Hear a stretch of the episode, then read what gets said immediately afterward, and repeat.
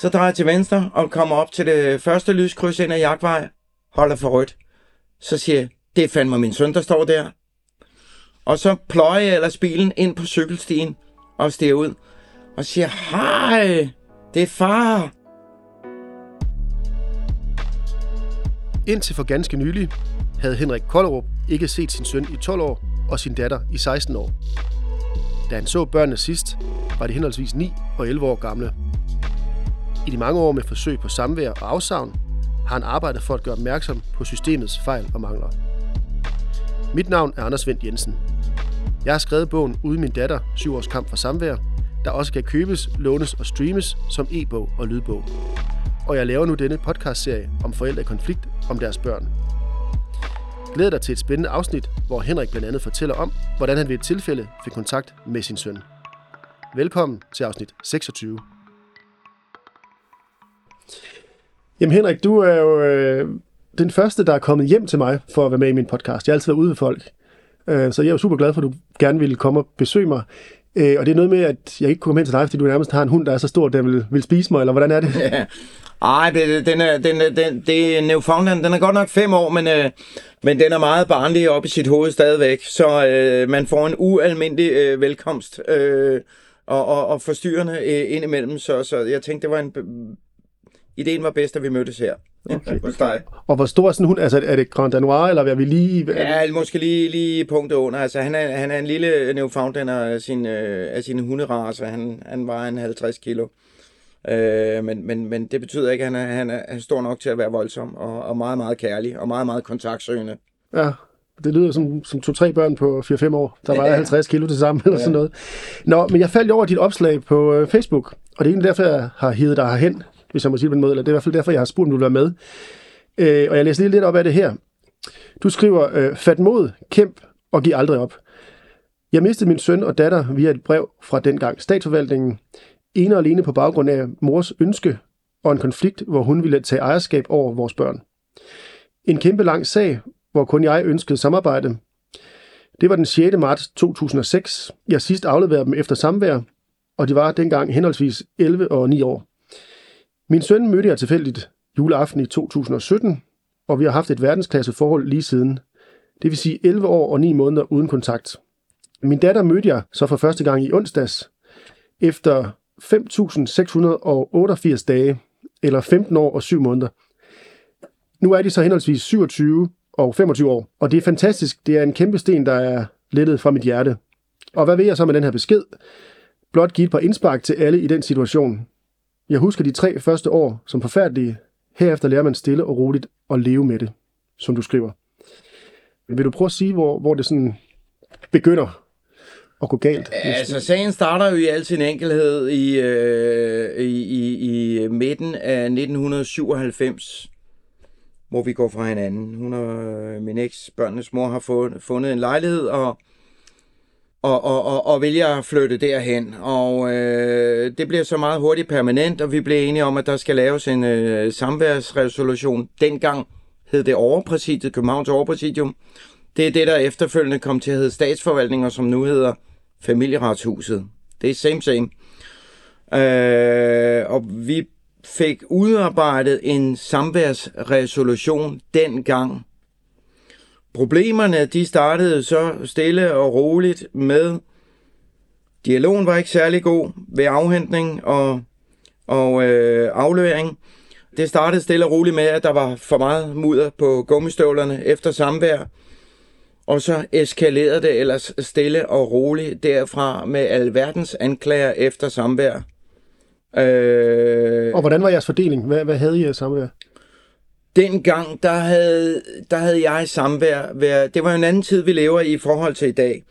Dengang, der havde jeg samvær hver, hver onsdag til torsdag. Og så havde jeg øh, hver anden hele weekend.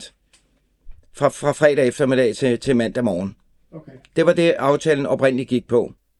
Men det kørte fint nok i en periode, eller hvordan? Ja, i en kort periode kørte det fint nok.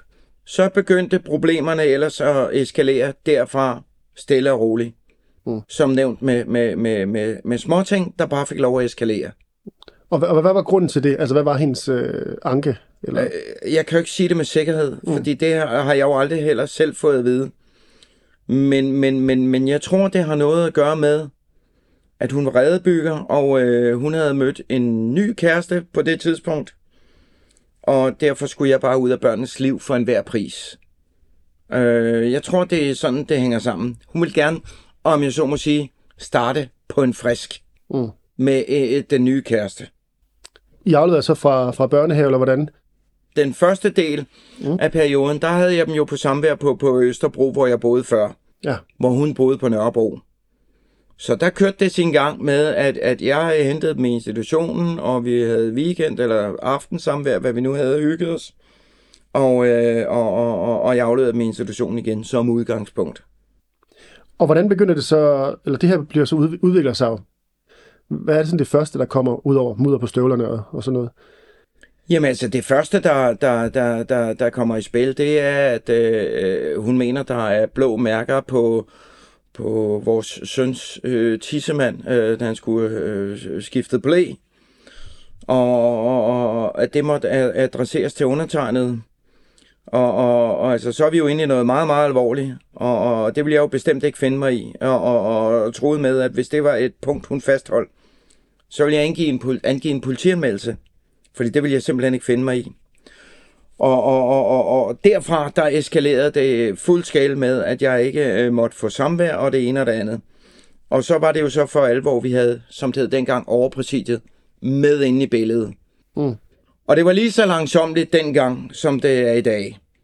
Fuldstændig lige så langsomligt. Dengang, der hed det sig, at der var et halvt års ventetid på et hvilket som svar, fordi man var i gang med en, en strukturel ændring. Den e, øh, det ene år og det næste år var man i gang med en IT-omstilling. Og med andre ord, det der med, at folk klager over, at der er et halvt års ventetid på en afgørelse i familieretten i dag, det var ikke anderledes i slutningen af 90'erne. Døden havde bare en anden årsag dengang. Okay. Så, så hvad er du blevet beskyldt for i den her periode? Hvor, Ja, men jeg, jeg, jeg er blevet, uha, jeg er beskyldt for mange ting. Jeg, jeg, jeg er både beskyldt for incest, jeg er beskyldt for at, at køre vanvidskørsel med børnene, jeg er blevet beskyldt for at tro dem med knive. Øh, jeg, jeg er, er næsten blevet øh, beskyldt øh, for hvad som helst. Det er sådan set kun fantasien, der sætter grænser. Det er egentlig ganske imponerende, at jeg har kunne sidde i, en betroet stilling i den finansielle sektor i 32 år med det sønderegister, jeg er blevet beskyldt for. Men øh, lad det være det. Men man kan sige, du har så, så er du så gået til systemet, og I har haft en masse sager og sådan noget. Du har også, i og med at du så børn i den periode, har du også fået, fået ret hen ad vejen, eller hvordan ser du det? Jamen altså, jeg har sådan set fået ret hele vejen igennem systemet. Der er ikke nogen sager, jeg har tabt i forhold til alle de anklager, jeg har været ude for. Jeg har bare ikke høstet frugterne af det. Der var en lang årrække, hvor jeg ene og alene stod i en forsvarsposition. Når vi begynder på de her seksuelle anklager, så bliver politiet jo på et tidspunkt involveret. Og øh, som udgangspunkt skal sådan noget jo undersøges til bunds, hvilket det her det også blev. Men i al den tid, sådan en undersøgelse pågår, og det er sådan set heller ikke forskellige i dag, fra det var dengang, der går en seks måneders tid. Og i den periode har man intet samvær med sit barn, whatsoever. Øh, øh, fordi det bliver suspenderet, mens den undersøgelse pågår. Og så sker der jo desværre det, som man også ser i dag, at øh, status quo-princippet indtræder i mellemtiden. Det vil sige, at nu har barnet været uden kontakt til den ene forælder i så lang tid, så det nok er bedst for barnet at bibeholde den status, som der hermed er opnået de sidste 6-9 måneder, som sådan en politiundersøgelse øh øh, øh, øh, undersøgelse pågår. Og det betyder, at selvom du som far, eller mor for den sags skyld, bliver fuldstændig frikendt i enhver henseende, så øh, står man alligevel i en situation, hvor man har mistet palmerne. Fordi nu får du bare ikke lov, at, det kan godt være, at du er blevet frikendt, men nu får du så ikke lov til at se dine børn, fordi barnet har vendet sig til status quo-princippet, altså at nu foregår dagligdagen hos moren, og så barnet uden for det konfliktfelt, som der i myndighedernes øjne er, er, er, er det helt afgørende. Så hvordan startede de der, dit samvær så op igen, når der havde været sådan en lang periode med en undersøgelse? Øh, øh, lang tid før vi kom til den her politisag, der havde der været lang tid, hvor, hvor, hvor, hvor børnene simpelthen ikke blev udleveret til samvær. Hvor jeg kørte forgæves hver gang, jeg skulle hente dem. På daværende tidspunkt boede de forskellige steder på Sjælland. Jeg kørte øh, øh, øh, øh rask væk to gange om ugen til Bilka i Slagelse, hvor der var øh, øh, udleveringssted, øh, øh fordi jeg ikke måtte komme på deres private bogpæl. Og måtte købe en sodavand hver gang. Jeg vidste, at jeg gik forgæves, for børnene kom ikke. Men for simpelthen at have en bong på, at jeg havde været der, således at jeg kunne dokumentere over for retten, at jeg havde overholdt min del af aftalen. Der kørte jeg forgæves rigtig mange gange fra Østerbro til Slagelse og hjem igen. Dengang. Mm. Når der var samvær, så, så gik det jo helt forrygende. Så gik det fantastisk. Jeg kørte jo til Sorø, og vi, vi legede og hyggede, og så læste historier nede ved Sorø Sø om sommeren, og vi var i vinterhalvåret, der tog vi typisk i Sorø svømmehal. Og øh, det gik fint. Det foregik jo lidt på landevejen, fordi jeg kunne jo ikke på et aftensamvær dengang nå at køre dem til København og så tilbage igen. Den tid samværet var. Men de der 3-4 timer, vi var sammen, der tog vi ud at spise lidt aftensmad, og så øh, hyggede vi os øh, øh, fandt på forskellige ting i lokalområdet. Alt fra legepladser til klosteret dernede, og til læse historie ved søen, gå ture, øh, plukke dunhammer ved søen og var i svømmehallen, og, altså afhængig af vind og vejr. Okay, så hvis du kan prøve at samle op på, at de år, der gik fra, gik fra hinanden som, som forældre, til at du slet ikke ser børnene, hvad, hvordan var den periode sådan? Øh, øh, fra 97 til 6, de der ni år, der er der som sagt et år til halvanden, hvor jeg samlet set ikke har set dem, øh, fordi det blev udleveret til samvær. Mm, men der har været problemer hele tiden, og der har også været meget, meget alvorlige problemer, og der har kørt mange sager sideløbende. Så det eskalerede simpelthen. Den her famøse politisag, jeg lige var inde over, det var, der, der, der, der, den startede i 2001, kan jeg huske. Og øh, jeg vandt politisagen i, i alle ender og kanter, øh, med møje og besvær, fordi myndighederne er heller ikke nemme at danse med. Øh, det var de i særdeleshed ikke dengang, hvor faren per definition var skurk, og det nærmest var ulovligt at sige, der findes gode fædre og knap så gode mødre. Det, den begrebsverden eksisterede næsten ikke dengang. Der er sket rigtig meget siden dengang. Øh, og heldigvis til det bedre, og men vi er langt fra er i mål endnu. Men, men, øh, øh, men, men, men, men det var øh, problemfyldt, men jeg, jeg vandt det hele, undtagen retten til at se mine børn. Der havde vi en udkørende fodforretning, øh, som ligesom gjorde, at der fik jeg samvær med dem indtil 2006. Jævnfør det skrev, du lige læste op indledningsvis, at øh, derfra så jeg dem ikke før for, for, for relativt nylig. Kan du huske, hvordan du havde det i den periode? Øh, øh, jamen altså, det var, øh, det var meget belastende. Meget, meget belastende. Altså, jeg havde en, en, en, en, en længere periode på, på min daværende arbejdsplads, hvor jeg i et, et, et halvt års tid øh, fik lov at arbejde på halv tid. Fordi det var meget, meget øh, psykisk stressende. Det var meget, meget belastende. Det var det. Ingen tvivl om det. Altså, det, øh, der er jo ikke nogen øh, vinder af det der. Det var, det var virkelig en, en, en, en kamp for at overleve, da det stod på der for alvor. Og forfærdeligt at tænke, øh, hvad, hvad, hvad, hvad børnene har været igennem. Blot fordi, at der skal to til en tango. Og det er ikke nok, at den ene part ønsker et samarbejde, hvis den anden, hvis den anden ikke ønsker det.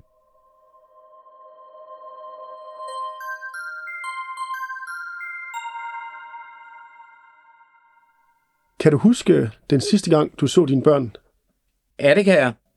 Kan du prøve at beskrive, hvordan det foregik? Der fik jeg at vide øh, fra min datter, det var kun hende, der kom til samvær, at min søn var syg, hvilket han overhovedet ikke var. Det fortalte hun så i bilen.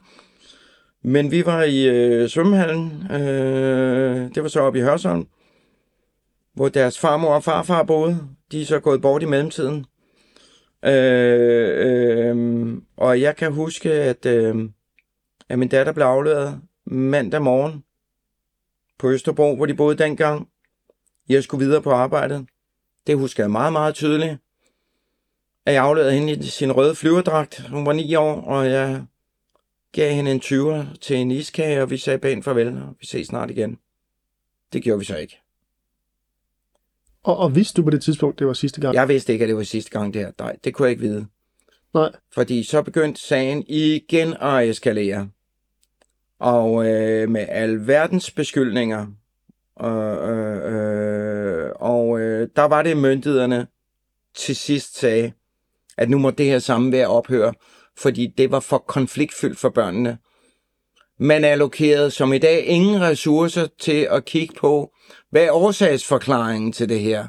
Man konstaterer blot, blot, at børnene er i et konfliktfyldt forhold, og derfor så er det bedst at suspendere samværet. Altså, man belønner krigsherren, ganske som man gør i dag, som vejledningerne til forældreansvarsloven er skruet sammen. Det er jo det, der er helt grotesk. Og det, der gør, at der er så mange sager, og det koster så mange penge for samfundet. Og det vender vi jo tilbage til. Yes. Men det vil sige, da du havde afleveret din datter i rød flyverdragt og så videre, så ventede du på næste samvær, og hvad skete der så? så, så Jamen, de der bare- skete jo så det i, i mellemtiden, at øh, der kørte jo en masse korrespondence mellem, øh, ja, det, det, det vil så i mellemtiden komme til at hedde statsforvaltningen, men statsforvaltningen og, og, og, og undertegnet, hvor øh, børnene øh, øh, ifølge øh, dem, eller nok på grund af forældremanipulation, øh, fremmedgørelse, ikke ønskede at se far mere. Og derfor så har man så besluttet, at alt samvær det skulle ophøre. Så det vil sige, at fra du så dem sidste gang, til at samværet blev suspenderet, hvor lang tid gik der der? Kan du huske det? der gik ikke ret lang tid. Det var, det var meget kort tid. Det har, det har vel været en måned eller sådan noget. Okay. Jeg kan ikke lige huske det præcis, men det har vel været der omkring. Og i den måned, der, der siger børnene så, at de ikke har lyst til mere. Ja, ja altså det, der får jeg et samlet brev fra statsforvaltningen, som beskriver, at samværet hermed er suspenderet. Og det er det på grund af de konflikter, der har været, og at der kan opnås enighed, og at, øh, at, børnene jo det, øh, heller ikke har noget ønske om at, at, om at se far mere. Og hvordan forsøgte du så at få samvær i de efterfølgende år? Nå, øh, det, jeg, jeg, det gjorde, altså, jeg kunne godt se, hvis, hvis, hvis, det havde, øh, hvis det var lykkes moren at få overbevist børnene om, at det var den bedste løsning, og børnene i øvrigt var så øh, øh manipuleret og forældrefremmedgjort, så, så ville det være op ad bakke og begynde at kæmpe min egen sag. Så der tog jeg ligesom tyren ved hånden og sige, okay, nu allokerer jeg mine ressourcer over på systemet. Fordi du kan ikke lovgive imod en person i det her samfund af et fjols. Men du kan lovgive omkring, hvis lovens ord er fuldstændig øh, asymmetrisk øh, øh, øh, øh i forhold til, hvad der retter ret og vrang. Så jeg gik den politiske, pressemæssige vej, og, og begyndte at henvende mig i stor stil til pressen og, og, og på politikerne på Christiansborg dengang, sammen med en stribe allierede.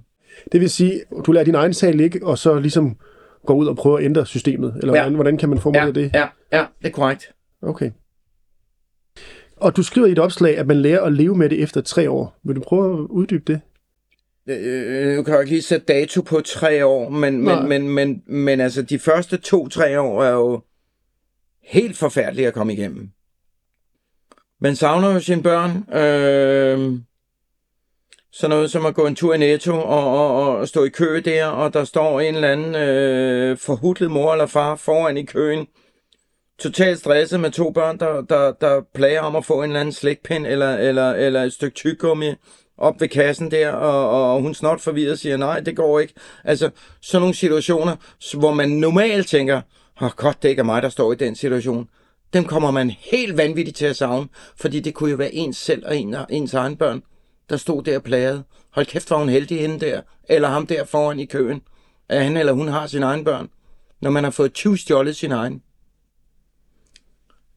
Sådan nogle ting, og tonsvis af søvnløse nætter, øh, og frustrationer, og alverdens grimme tanker. Det gik der igennem de første to-tre år. Og så når man til et tidspunkt, hvor man trods alt heldigvis også får nogle andre oplevelser i livet, også positive oplevelser, hvor man så ligesom lærer at sige, okay, tiden arbejder i mit favør. Øh, vi må se. Og hvad, hvad ved du om børnene undervejs i den periode? Ikke ret meget. Ikke ret meget. Nu når vi til et tidspunkt omkring 2008, 10, 12 stykker, hvor de sociale medier og internettet virkelig begynder at blive populært. Fordi jeg kunne sagtens skrive breve, hvilket jeg også gjorde, og sende gaver og sådan noget ned til mine børn. Men jeg vidste, det ville blive arkiveret lodret. Børnene ville aldrig få det. Men der er det jo mit argument, eller mit postulat, at sådan noget som de sociale medier, altså Facebook, Instagram, Twitter og alt det der, det er børn på i dag i en meget, meget tidlig alder. Og det er de typisk fra de er en 12-13 år, og nogle gange yngre. Og det er altså medier, hvor forældrene, uanset om man vil være ved det eller ej, har meget få kontrolmuligheder. Og som jeg siger, det er simpelthen øh, øh, øh Guds gave til fædre, hvis børn er blevet stjålet, og møder også for den sags skyld. Fordi der kan du få kontakt til dine børn øh, øh, udenom den anden forælder, hvis ellers du kan stå dem op. Og det er relativt enkelt. Og hvad, det vil sige, i den periode fulgte du lidt mere på siden? Jeg gjorde det, at fra jeg mødte dem her til, øh, for ikke ret længe siden, der skrev jeg hver tredje måned fra omkring 2008-9 stykker, hvor jeg fandt ud af, at de var på Facebook. Hver tredje måned sendte jeg dem en opdatering omkring, hvordan det går i mit liv, hvordan jeg har det, hvad jeg tænker, uden at stille spørgsmålstegn til noget omkring, hvordan deres liv er, uden at stille spørgsmålstegn til mor eller tale negativt om mor. Bare fortæl omkring mit liv. Jeg elsker jer, og døren den står altid åben, når I er klar på et tidspunkt. Fik du svar? Nej. Og øh, jeg blev øh, blacklistet mange gange fra Facebook. Så gjorde jeg det. Det er ikke børnenes skyld. De var, de var forældrefremmede gjort det der. Så lånte jeg en ven eller venindes Facebook-profil, og så skrev jeg til dem derfra. Så blev vedkommende blacklistet. Så lånte jeg en ny. og gået tre måneder, og så skrev jeg derfra. Således at jeg hele tiden pumpede dem med informationer om, hvordan det går mig og mit liv, min familie, hund og det hele. Dem, som de kender. Og, og, og uden at stille spørgsmål, men bare bekræft, jeg er der i kulissen for jer, når I er klar. Så begyndte der som årene at komme, komme svar retur. Og jeg har spurgt dem efterfølgende, var I glade for de beskeder? Hvor min søn var utrolig glad for, at, at, at der kom livstegn fra far, uagtet at det var ham, der var bannerfører i forhold til fremmedgørelsen fra mor. Min øh, datter synes, det var, det var noget pjat, og hun forstod ikke, hvorfor det skulle til. Okay. Men, øh, men, men det ændrer ikke ved, at jeg har fin kontakt til dem begge to i dag. Og det vil sige, du sendte de der beskeder, og så begyndte, begyndte de så at skrive tilbage, siger du? Eller? Ja, da de var blevet meget store og meget gamle, altså meget gamle. Ja. Vi er, vi er på den anden side af, af et par 20 for dem begge to, før der begyndte at komme svar tilbage. Og det var ikke hver gang, der kom svar tilbage. Det var måske hver femte gang. Og hvad skrev de? Så, jamen, jamen øh, de, altså, de, de, de har begge to afhængig af hinanden haft nogle økonomiske udfordringer, hvor de faktisk spurgte om hjælp, og egentlig også tilkendegav deres kærlighed der. Men, men skrev direkte, jeg er ikke helt klar endnu. Og det accepterede jeg. Men jeg kunne fornemme, at dialogen blev, blev, blev tættere med tiden. Hvordan var de år, hvis du sådan skal samle op på dem? At de var ikke særlig sjove. Det var de ikke. Det var, altså, så længe man ikke ved, om man overhovedet, for det ved man jo dybest set ikke, om man overhovedet får kontakt til dem, der gælder det altså om at have et godt netværk i den tid. Og lige få nogle øh, skulderklapper, nogle rygstød ind imellem, af nogen, der lige kan se ud over egen næstip og sige, jamen, øh, prøv lige at høre sådan og sådan og sådan. Øh, det, skal nok, det skal nok gå. Der lige kan bakke en op, når man er nede i en bølgedal. Og det var jeg jo øh, periodvis helt til det sidste. Det var jeg.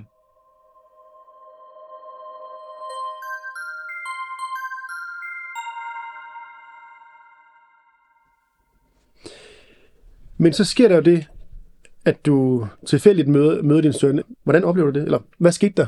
Øh, jamen, der skete jo det, at øh, jeg vidste jo, hvordan min søn så ud. Fordi det har jeg jo kunne følge med i. Øh, og jeg vidste også, hvordan min datter så ud. Men det var juleaften 2017. Øh, min kone skulle øh, øh, i aftenvagt på arbejdet. Og øh, det regnede den dag, kan jeg fortælle, temmelig meget. Og øh, det kunne mig, der har kørekort, så, så hun skulle cykle fra, fra Hvidovre ind til Østerbro. Øh, og spurgte, om jeg, om jeg ikke gad at, at, at køre hende. Øh, det var ikke planen, fordi jeg, havde, jeg skulle til noget juleaften sammen med min øvrige familie i Nordsjælland, og jeg skulle simpelthen lige sørge for, at hunden var træt, således at han kunne ligge alene de der 6-7 timer, han skulle være alene. Så det var ikke meningen, at jeg skulle køre hende ind, men fordi vejret var så dårligt, så blev vi enige om, at så skulle jeg nok køre, køre hende ind, og så måtte jeg lige give, øh, brænde, brænde noget ekstra energi af, når jeg kom hjem på hunden, inden jeg tog til øh, juleaften med, med min familie. Og øh, det er jo meget pudsigt, da vi så kommer ind omkring Borup Salé, hvor min børns mor bor, der ser jeg lige pludselig, at øh, hun står sammen med min datter. Og øh, der var meget trafik den dag, og jeg tænkte, fuck, det er, det er børnenes mor og min datter, der står der. Jeg bliver da nødt til lige at bremse op. Og min kone så siger, det gør du ikke, fordi det kommer kun til at ødelægge resten af den her aften for dig selv. Fordi øh, det, det, det, det er din datter ikke klar til, og det, det vil ikke blive nogen positiv oplevelse. Så jeg valgte meget mod min vilje at, at køre videre ind ad Borups Allé, og der hvor Borups Allé bliver til Jagtvej, der drejer jeg så til venstre. Jeg skal lige sige, der havde jeg ikke set den i 100 år på det tidspunkt. Overdrevet, men i mange år. Ja. Så drejer jeg til venstre og kommer op til det første lyskryds ind ad Jagtvej. Holder for rødt. Så siger jeg, det er fandme min søn, der står der. Og så pløjer jeg ellers bilen ind på cykelstien og stiger ud og siger, hej, det er far. Og han siger, hej far, og så kommer han over, og så giver han mig en kæmpe krammer. Og så står vi lige og hyggesluder og lidt og bliver enige om glædelig jul, og, og øh, nu er det altså bare tid til at ses igen, for nu er der bare gået for lang tid. Og øh, det bliver vi så enige om. Øh, min, min kone har en øh, tid på sit arbejde, hvor hun skal møde, så, så øh, vi gør klar til at køre igen. Han når halvt over lyskrydset, mens det er grønt, vender tilbage. Far, du skal lige have en krammer med jer. Så fik vi en til krammer, og så sagde vi ellers pænt farvel, og så blev vi enige om, at nu skulle vi lige skrive sammen og ringe sammen, havde udvekslet alle de der ting, rigtige telefonnummer og det ene og det andet. Og øh, det var jo en fantastisk juleaften, den glemmer jeg aldrig. Øh, og vi mødtes så første gang en tre, tre og en halv uge efter, altså et stykke ind i januar, sidste halvdel af januar. Og så har vi derfra fået bygget vores forhold op, stille og roligt. Og øh, Men hvordan reagerer du? Du siger, at I stod og hyggesnakker. Altså, det, det må være helt vildt. jamen, det var det også. Altså. Det var det både for ham og for mig. Ja. Det var vanvittigt. Det var fuldstændig surrealistisk. Altså, jeg havde lige mødt min datter, som jeg havde valgt at køre videre fra. Mm. Fordi jeg vidste, det ville gå i lort, hvis, øh, hvis, øh, hvis jeg konfronterede hende. Og i særdeleshed, når mor stod lige ved siden af. Og så kører man 200 meter, og så møder man min søn. Der er ingen af dem, jeg har set i, i, i siden 2006. Her snart vi juleaften 2017. Mm. Jeg har ikke set nogen af dem siden. I hele den mellemliggende periode.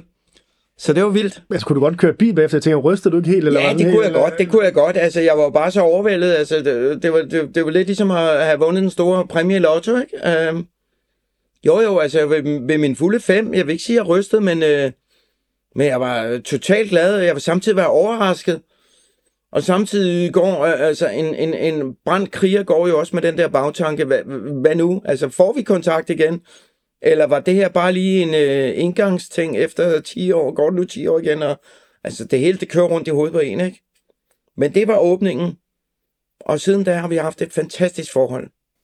Okay, ja, fordi hvordan øh, genskaber man så kontakt til en, en søn, som man ikke har set i de der næsten 12 år? Det går meget naturligt. Øh, Hvad var det første, I lavede vi- sammen? Altså, Jamen, det, det første, vi lavede, det var, vi, vi gik en tur ind i byen. Øh, øh, og snakkede om, hvor meget vi havde savnet hinanden. Og, og fik et par øller. Og, og, og, og, og øh, ja, allerførste gang, der inviterede jeg ham på en café. Han kunne jo selv bestemme, hvor. Så fik vi noget burger og snakkede, ikke? Og, og anden gang, ja, der gik vi den her tur. Tredje eller fjerde gang kom han hjem og så, hvordan vi boede, og jamen, det, gik, det gik stille og roligt slag i slag derfra. Så, så jeg øh, mødte en meget intelligent ung mand, hvor jeg sidst jeg havde set ham øh, afleveret en, en, en, en halv, halvforvirret, øh, øh, jeg vil ikke engang sige teenager, for det var han jo langt fra, men lille dreng, der bare var kredsen og pivfræk. Og, og hvordan gør man så? Ser man kun fremad, eller taler man også om fortiden? Eller hvor, hvor... Jeg tror, det er meget, meget vigtigt at lige blive enige om spil, spillereglerne her. Nu handler det om fremtiden. Nu handler det om, at vi får noget godt ud af det sammen. Lad fortid være fortid. Det kan vi ikke lave om på. Nu har jeg så kendt min søn så længe, så vi er begyndt at tale omkring fortiden. Hvordan han har oplevet det. Hvordan jeg har oplevet det. Og så videre og så videre. Hvordan han har det med sin mor, hvordan han har det med sin far. Og alt det her. Men og hvordan? de første 10 gange, der blev vi enige om, nu handler det om, vi skal bare hygge os, vi skal leve nuet, og vi skal tale fremtid. Og hvordan kan, hvordan kan jeg hjælpe dig, og hvordan kan du hjælpe mig? Og hvad, hvad, siger, hvad siger han så om fortiden? Hvordan oplevede han det? Øh, jeg vil sige, hvis vi, havde, hvis vi havde mødtes her for en uge siden, så ville jeg have sagt, at øh, det er egentlig strøget meget fint hen over hovedet på ham. Men nu var jeg sammen med ham her i weekenden, hvor vi virkelig talte tingene igennem, sådan dybere end vi nogensinde har gjort. Hvor jeg konstaterede, at det har været meget, meget hårdt for ham. Han har haft virkelig nogle psykiske nedture over alt det her. Jeg slet ikke var klar over. Og hvor skulle jeg også vide det fra? Jeg har ikke fået noget at vide af nogen. Og ingen har ville fortælle mig noget. Ingen gang fra skolen kunne jeg få oplysninger fordi de mente, det var farligt at advisere far om, hvordan det gik børnene i skolen. Altså, det er helt hul i hovedet. Jeg kan, uanset hvordan vi ender og drejer det, kan jeg ikke se, hvordan det kan blive farligt. At en far bliver adviseret omkring, hvordan det går hans børn i skolen. Men altså, det er lovreguleret i forældreansvarsloven. Øh, og den efterlevede man, skal jeg lige love for. Det vil sige, han har tænkt på dig undervejs? Meget. Ja. Meget. Det har jeg fået bekræftet. Har han prøvet at tage kontakt, eller de tilløb til det, og så vendt om i øjeblikket? Eller? Det tror jeg nok, han har øh, forsøgt. Han har i hvert fald haft det på, øh, på agendaen nogle gange. Har han haft et godt liv, de år, du ikke har set ham? Øh, overvejende har det været fornuftigt. Altså, jeg vil lige sige, at jeg, jeg er heldigvis begunstiget af at have en, en meget intelligent søn. Jeg ved jo ikke, hvad han har, hvad han har været igennem, øh, øh, men, men, men det, der er vigtigt for mig, det er, han havde alle forudsætninger øh, med den barndom for at lande i noget lort. Øh, I noget kriminalitet, noget bande, øh, det ene og det andet. Altså, jeg er fuldstændig ligeglad med, om han begynder at spille guitar, blokfløjte, eller øh, læser øh, øh, atomfysik, øh, matematik, eller hvad.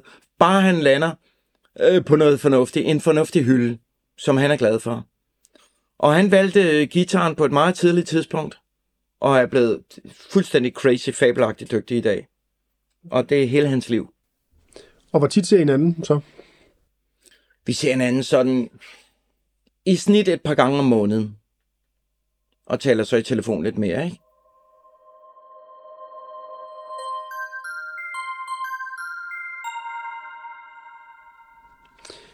Og du har så også mødt din datter. Ja. Hvordan foregik det så? Jamen, det foregik på den måde, at lige pludselig var hun klar. Og lige pludselig, det var så her i oktober, hvor jeg jo havde fisket i lang, lang, lang tid. Så det er fire måneder siden, cirka? Ja, det er det, ja. Og jamen, vi mødtes øh, på hovedbanegården en, øh, en aftenstund efter øh, mit arbejde var slut. Og øh, hun hentede mig i bil. Ja, det var jo sjovt, fordi sidst der var det mig, der satte hende ind på bagsædet i autostolen i sin røde flyverdragt. Dengang var det hende, der var chauffør, og jeg sad på på, øh, på sædet ved siden af. Men øh, vi kørte ind i fældeparken, og så gik vi en god tur. Og så snakkede vi om vind og vejr. hende har jeg ikke mødt så mange gange desværre, men jeg har dog mødt hende nogle gange, hvor vi, så har vi været på restaurant sammen, og hun har været øh, hjemme, op, øh, hjemme hos os øh, en gang, og nu er så fødselsdag her om halvanden uge, der kommer de så begge to igen, ikke? Så... Var din søn med til at skubbe hende i retning af dig, eller? Det tror jeg ikke. Nej. Øh, men det har været lidt sværere måske at genskabe kontakten til hende? Eller? Ja, det har, taget, det, det har taget lidt længere tid, men nu skal det jo så også lige sige, at, at øh, hun er et par år yngre end han er, og det tror jeg også kan have en årsag.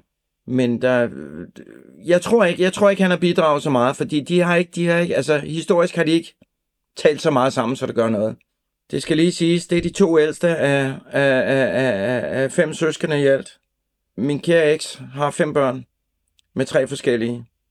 Og som bino ser de to efterfølgende fædre heller ikke deres børn. Hvordan ser de på, at deres mor har holdt dem væk fra dig? Øh, ja, altså det jeg ved, det er, og det er mest min søn, fordi ham har jeg været tættest på indtil videre. Øh, han har et godt forhold til sin mor. Og, og, og, og det hverken kan, skal eller øh, vil jeg øh, forsøge at påvirke i, i nogen negativ retning. Altså han har en far og en mor, og han siger selv, at han er lige glad for, for, for, for begge sine forældre. Han er bare glad for at have både en far og en mor. Og det øh, respekterer jeg øh, til fulde. Og øh, som jeg siger, hans mission er at, at holde os øh, skarpt adskilt i alle tænkelige henseender. Og, og det skal også nok lykkes, som jeg har sagt til ham flere gange. Jamen altså, det er det, er- det, det, det er din mor, der har, noget, der har et problem med mig.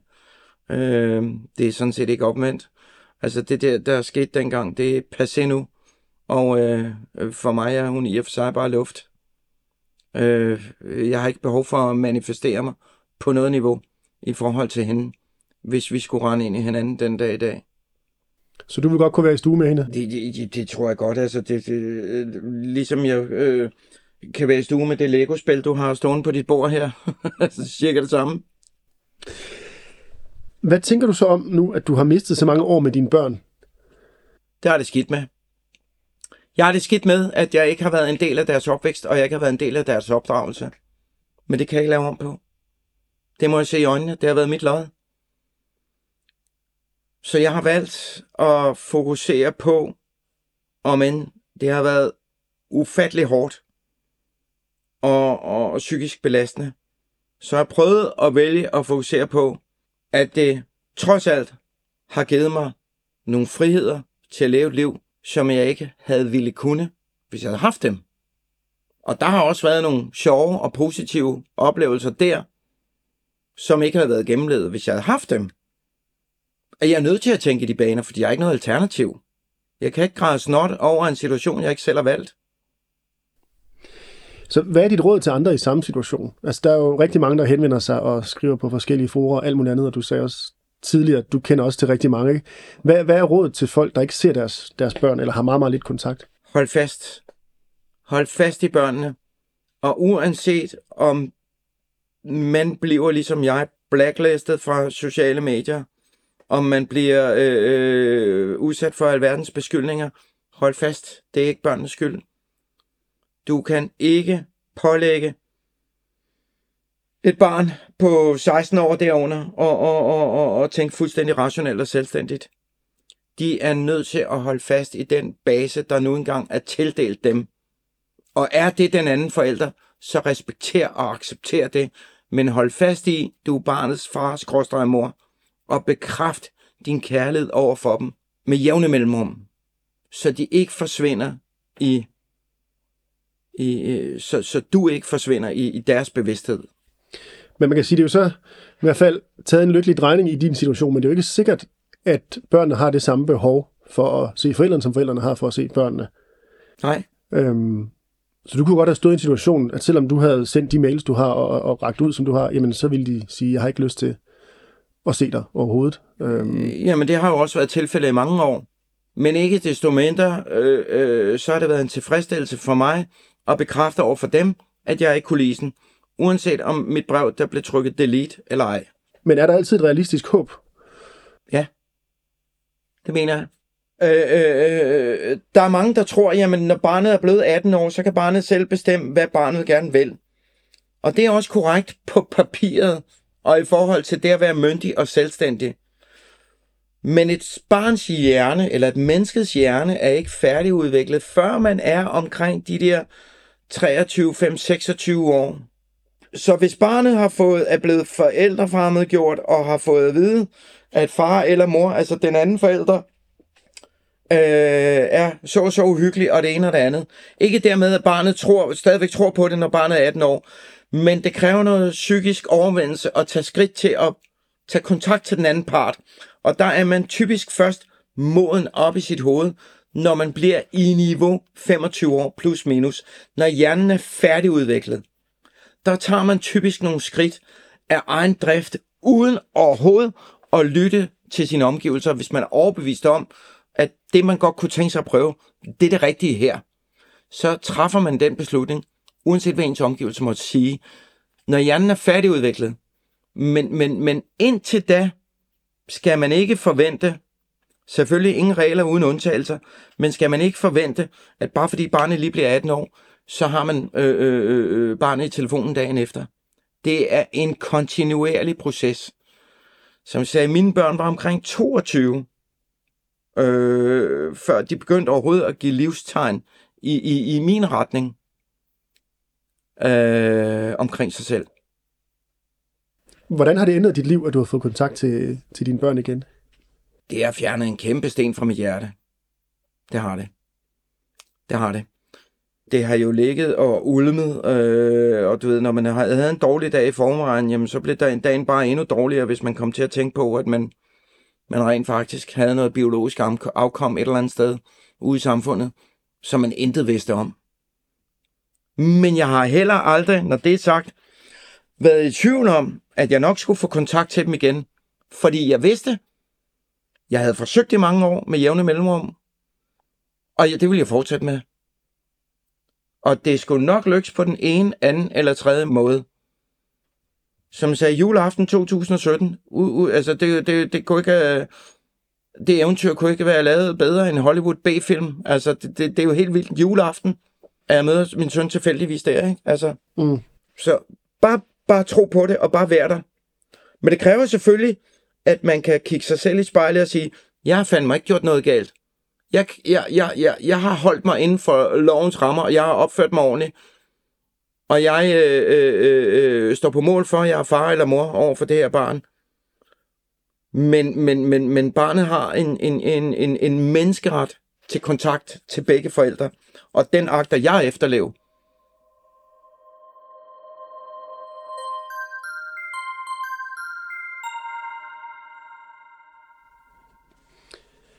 Sideløbende med, at du ikke har set dine børn i alle de her år, mange tusind dage, som du nævnte, så har du så forsøgt at skubbe til systemet øh, i en bedre retning. Hvordan, hvordan har du det? Hvad er det, du har gjort i alle de her år? Øh, min gode ven Kim Lindgren og jeg har lavet samlet 56 læserbrev, som vi har haft publiceret i landstækkende aviser. Jeg har deltaget i, i sådan Pernille Ålunds show for nogle år siden. Det var tilbage i 2006 omkring øh, det at ikke se sine børn og være kørt over i systemet. Jeg har haft øh, øh, øh, to hele sider i Ekstrabladet omkring min egen sag. Og, og, og, og med under overskriften øh, øh, vandt alle sagerne, men mistede retten til sine børn. Øh, jeg har været i TV3, øh, undskyld, TV2-nyhederne tre gange. Jeg har, jeg har været i TV2 Øst også to gange. Og, og, og, og, og, så er jeg med øh, øh, forfatter til Med børnene som våben, som blev vist i tre afsnit i 2014. Medforfatter på den måde at forstå, at jeg var med til at få åbnet øjnene over for øh, produktionsselskabet hos TV2. Øh, om at det her, det handlede ikke om, om mudderkrig mellem to forældre. Det handlede om, at man med, man med udgangspunkt i lovgivningen kan vinde ret ved at føre krig mod den anden part. Mm. Derudover har jeg øh, deltaget øh, i møder i Folketinget et hav gange, haft rigtig mange samtaler med politikere. Øh, så har jeg brugt en masse tid på international partnervoldsforskning. Jeg har brugt en masse tid på falske anklager og undersøge, hvordan politiet håndterer den slags. Og, og, og, og, og så har jeg kigget på, øh, hvordan man håndterer den slags problemer i udlandet. Øh, jeg spørger altid mine gæster om, hvordan, hvordan kan man ændre det her system, og der er jo mange, der ligesom har mange forskellige forslag og så videre, men du har sat dig ret meget ind i det, så, så hvordan mener du, man kan skrue det sammen? Altså, der er jo sket en, en ændring i forhold til det der med, at statsvalgningen er nedlagt, og der kom familieretshus, i hvert fald i forhold til, at du da din sag kørte og så videre. Hvad, altså, hvad, hvad er løsningen fremover set fra dit bord? Altså, det, det, altså nu, nu, nu nævner du selv statsforvaltningerne er nedlagt, og så er der oprettet familieretshuset, og det var jo også en rigtig super god intention, fordi nu skulle der ligesom komme fokus på barnets ret til begge forældre. Men det er lige præcis det, der ikke er sket. Vi er ikke kommet et hammerslag videre. Fordi man startede med øh, øh, øh, at ansætte i familieretshuset alle dem, der kom fra øh, øh, statsforvaltningerne. Der er, det er samtlige medarbejdere, der blev genansat i familieretshusene. Cirkulærerne til forældreansvarsloven, vejledningerne til forældreansvarsloven er ikke ændret med et komma. Så det eneste, der i virkeligheden er sket ud over det her navneskifte, det er, at de ansatte har fået skiftet deres skrivebord. Ikke noget som helst andet er der sket, for at skære det hårdt op. I forhold til løsningsproblematikken, jamen der er forskellige modeller, alt afhængig af, hvad problemstillingen er.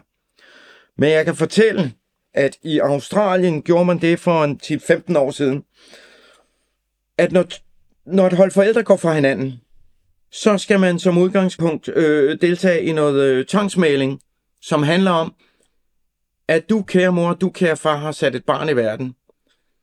Det her barn har krav på en så optimal opvækst som overhovedet muligt, med kontakt til både mor og far. Og derfor så kommer I nu på et kursus i et samarbejde. Og det gennemfører man så. Jeg ved ikke, mange sessioner der er. Men det kommer man på som en del af det at få begæret sin skilsmisse eller sit samlivsbrud. Og så sker der altså det, at man bliver enighed, øh, forældrene og systemet imellem, at der bliver lavet øh, en bo- bopælsoverenskomst og en samværsoverenskomst, som begge forældre skal efterleve, selvfølgelig.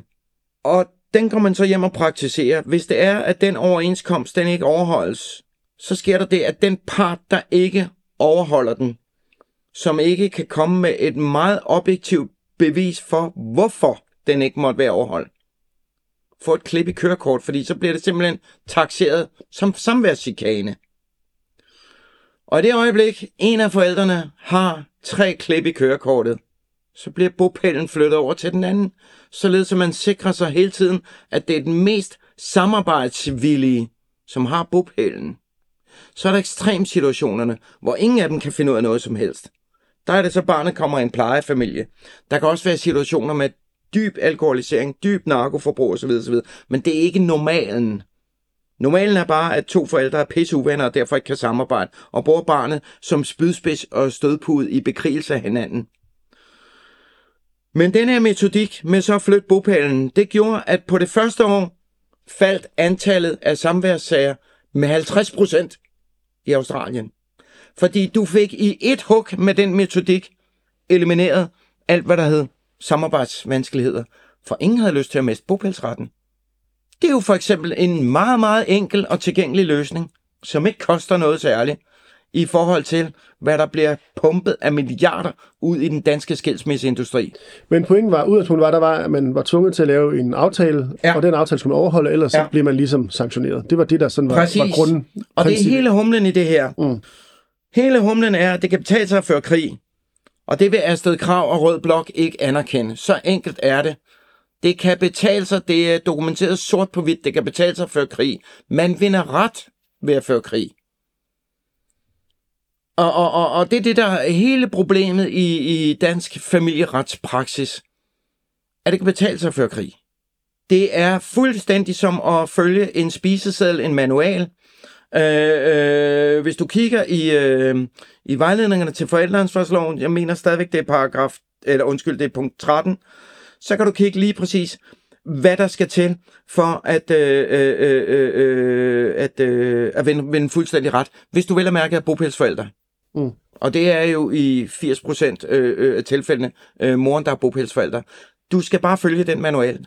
Den er lovdikteret. Og hvad står der der? Hvad? Jamen, jamen, jamen, der står mange ting. Mm. Men, men der, altså, et, et, et, et af problemstillingerne, det er jo blandt andet derfor, at Nye Borgerlige foreslog øh, B269 her i september måned, i det er så sidste år, øh, hvor i man gerne vil have, at skyldspørgsmålet skulle tages med i betragtning i forhold til, hvor barnet skulle, øh, skulle bo, og i forhold til samværsproblemsager. Fordi i dag er det sådan, at skyldspørgsmålet har ikke nogen betydning. Altså, øh, øh, f- familieretten og børns vilkår, som er deres tætte allierede, har jo i den grad både argumenteret og plæderet for, at øh, det handler ikke om, hvem der er skyldigt. Det handler om, hvordan kan vi, hvordan kan vi forhandle os til en løsning. Problemet er, det, det, det, hvis, hvis, hvis en person vil krig så kan du forhandle her, her fra til, til, til månen og tilbage igen. Der kommer ikke nogen løsninger ud af det, hvis en person er fokuseret på egne rettigheder og krig. Så, så længe at skyldspørgsmålet ikke øh, øh er medafgørende i forhold til konklusionen, så længe kommer man ikke de her problemer til livs. Og det står direkte i vejledningerne, som er en del af lovgrundlaget, og som er det, domstolene dømmer efter. At skyldspørgsmålet har ikke noget, har, har ikke noget at skulle have sagt i det her spørgsmål. Men det vil sige, det man skal gøre for at gøre det bedre, det er at, at kigge på skyldspørgsmålet, eller er der andet? Øh, øh, det er en af tingene. En anden ting er, at man skal fjerne, øh, man skal fjerne status quo-princippet, og så er indført noget overvåget samvær, så længe der måtte være en form for mistanke. For du kan meget, meget hurtigt via overvåget samvær se, om der er noget om snakken eller ej. Så har vi så forældrefremmedgørelsesproblematikken, hvor barnet bliver brugt som spydspids og stødpude. Det er heller ikke reguleret i nuværende lovgivning og som er den hårdeste psykiske form for mishandling af børn. Det er jo ikke et begreb, der optræder øh, nogen steder. Nej, nej, det var, altså, det, var, det, nej, det gør det ikke, og det er det, der er hele problemet. Mm. Øh, det var et begreb, som Richard Gardner, en amerikansk psykolog, introducerede i slutningen af 60'erne, jeg tror det omkring 67, som egentlig går på, at den ene forælder bruger barnet som spydspids og stødpude til bekrigelse af den anden forælder. Altså i en eller anden øh, biologisk symbiose. Øh, ikke at forveksle med chikane, fordi der er, for, der er stor forskel på chikane og forældrefremmedgørelse. Forældrefremmedgørelse, det er simpelthen at påvirke barnet psykisk i en retning, så barnet tager afstand fra den anden forælder. Og øh, det er jo lidt pudsigt, at det overhovedet ikke er reguleret i nogen form for lovgivning i Danmark. Når, når det er almen velkendt, at børn kan præpareres i, lige fra de lærer tale som papegøjer, hvis det er det, man ønsker. Altså, vi har et hav af religiøse sekter rundt omkring Moon, Jehova, jeg skal komme efter dig, som simpelthen forstår at præparere børn i en retning, som de ønsker. Og det samme er det, der sker i forhold til forældrefremmedgørelse. Og det, jeg synes, der er ekstraordinært grotesk i det her, det er, det er et begreb, som der er kendt i hele den vestlige verden, men som man ikke gør brug af ret mange steder i den vestlige verden. Undtagen lige et land, som er langt foran os, eksempelvis Spanien, Katalonien, øh, den nord, øh, øh, nordøstlige Spanien, hvor man helt tilbage i 2010 indførte, øh, SAP hedder det dernede, Parental Alienation Syndrome, øh, i deres øh, retspleje, øh, hvor der simpelthen er folk dernede, der er blevet dømt for forældrefremmedgørelser, fordi de har forsøgt at påvirke børnene psykisk i en retning, som ikke er øh, hensigtsmæssigt. Så kan man spørge sig selv, hvor, hvorfor lige Spanien? Hvorfor er de frontløbere på det her? Det er det blandt andet, fordi at i Spanien, øh, ja, der taler du som bekendt spansk, men det gør man jo altså også i ret mange sydamerikanske lande. Og det betyder, at der er ret mange flygtninge, øh, som er rejst til Spanien, som har dannet par med en spanier, hvor de er gået i hat og briller, hvor den ene forælder så enten har, har, stjålet barnet og flygtet tilbage til Sydamerika, eller i hvert fald brugt det her begreb forældrefremmedgørelse for at vinde egen ret. Så de er meget, meget langt fremme i spansk retspraksis i forhold til det her forældrefremmedgørelse. Og det synes jeg jo er, er, er lidt morsomt i betragtning af, at Spanien er et EU-land, ligesom vi er, at man ikke har fået implementeret det i hele EU. Eksempelvis blev det indført, at her per 1. i 1. 2022, altså for mindre end halvanden måned siden, at alle psykologer, der har med, med, øh, med øh, samværsbehandling, altså familieretssager at gøre, de skal på specialkursus i forældrefremmedgørelse. Det er lige publiceret, og det er lige indført i Spanien. Der er positive strømme. I USA, der er der tre stater, øh, øh, Arizona, Pennsylvania, mener de to af dem, som har indført nu, at når, når, når pakker fra hinanden, skal der som ud, udgangspunkt 7-7-ordning. Det er første gang i verdenshistorien, man har set det i den vestlige verden. Men er løsningen også 7-7 i Danmark? Som udgangspunkt, ja. Hvis du har to sunde og raske, fornuftige mennesker, som begge to vil deres børn det bedste, så ja.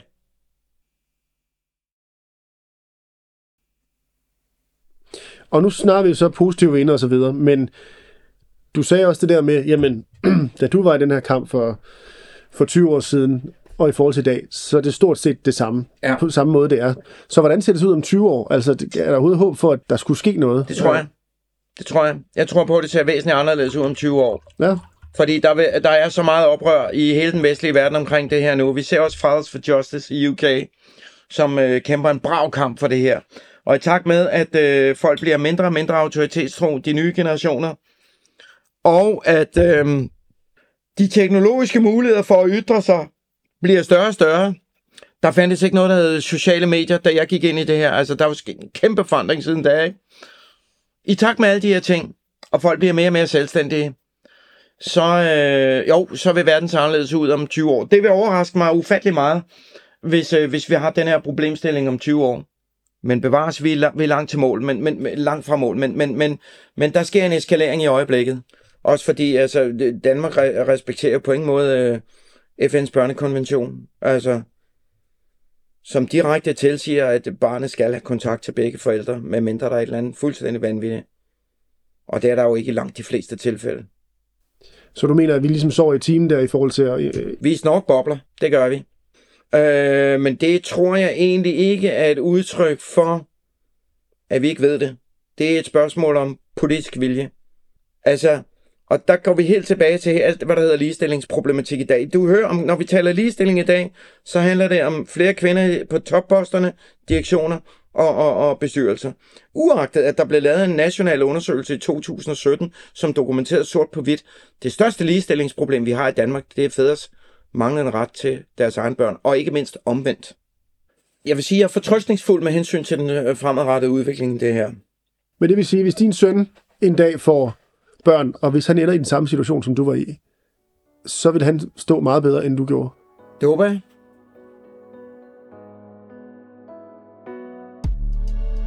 Henrik Kollerup har desuden været formand for foreningen Et barn, to forældre i de fleste af de år, den var aktiv fra år 2000 til 2015.